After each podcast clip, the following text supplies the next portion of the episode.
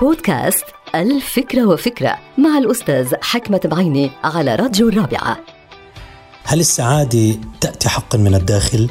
هل هناك علاقة بين المحبة والسعادة؟ إذا كان جوابك بنعم فهل المحبة اللي أنت عم تتحدث عنها هي محبة الذات أو محبة الآخرين؟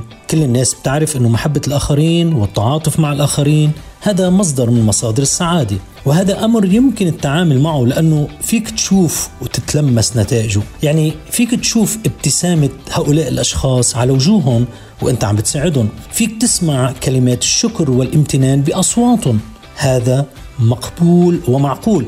ولكن إنه تحب ذاتك وتتعاطف مع نفسك من دون أن ترى أي ابتسامة على وجهك أو تسمع كلمة شكر من ذاتك فهذا أمر مزعج وصعب أحيانا. فما العمل؟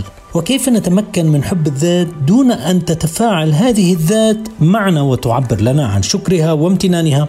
الجواب بسيط ويتعلق بمقولة مفادة بأن الذات البشرية لا ترى إلا بعيون الآخرين ولا يمكن سماع صوتها إلا بأصوات الآخرين. الذات البشرية هي مرآة صادقة تعكس صورة من يقف أمامها. أي أنت فكن نظيفا صادقا امينا مخلصا محسنا وسترى نفسك في كل مكان. فمن يزرع الخير في أي مكان يحصد الخير في كل مكان.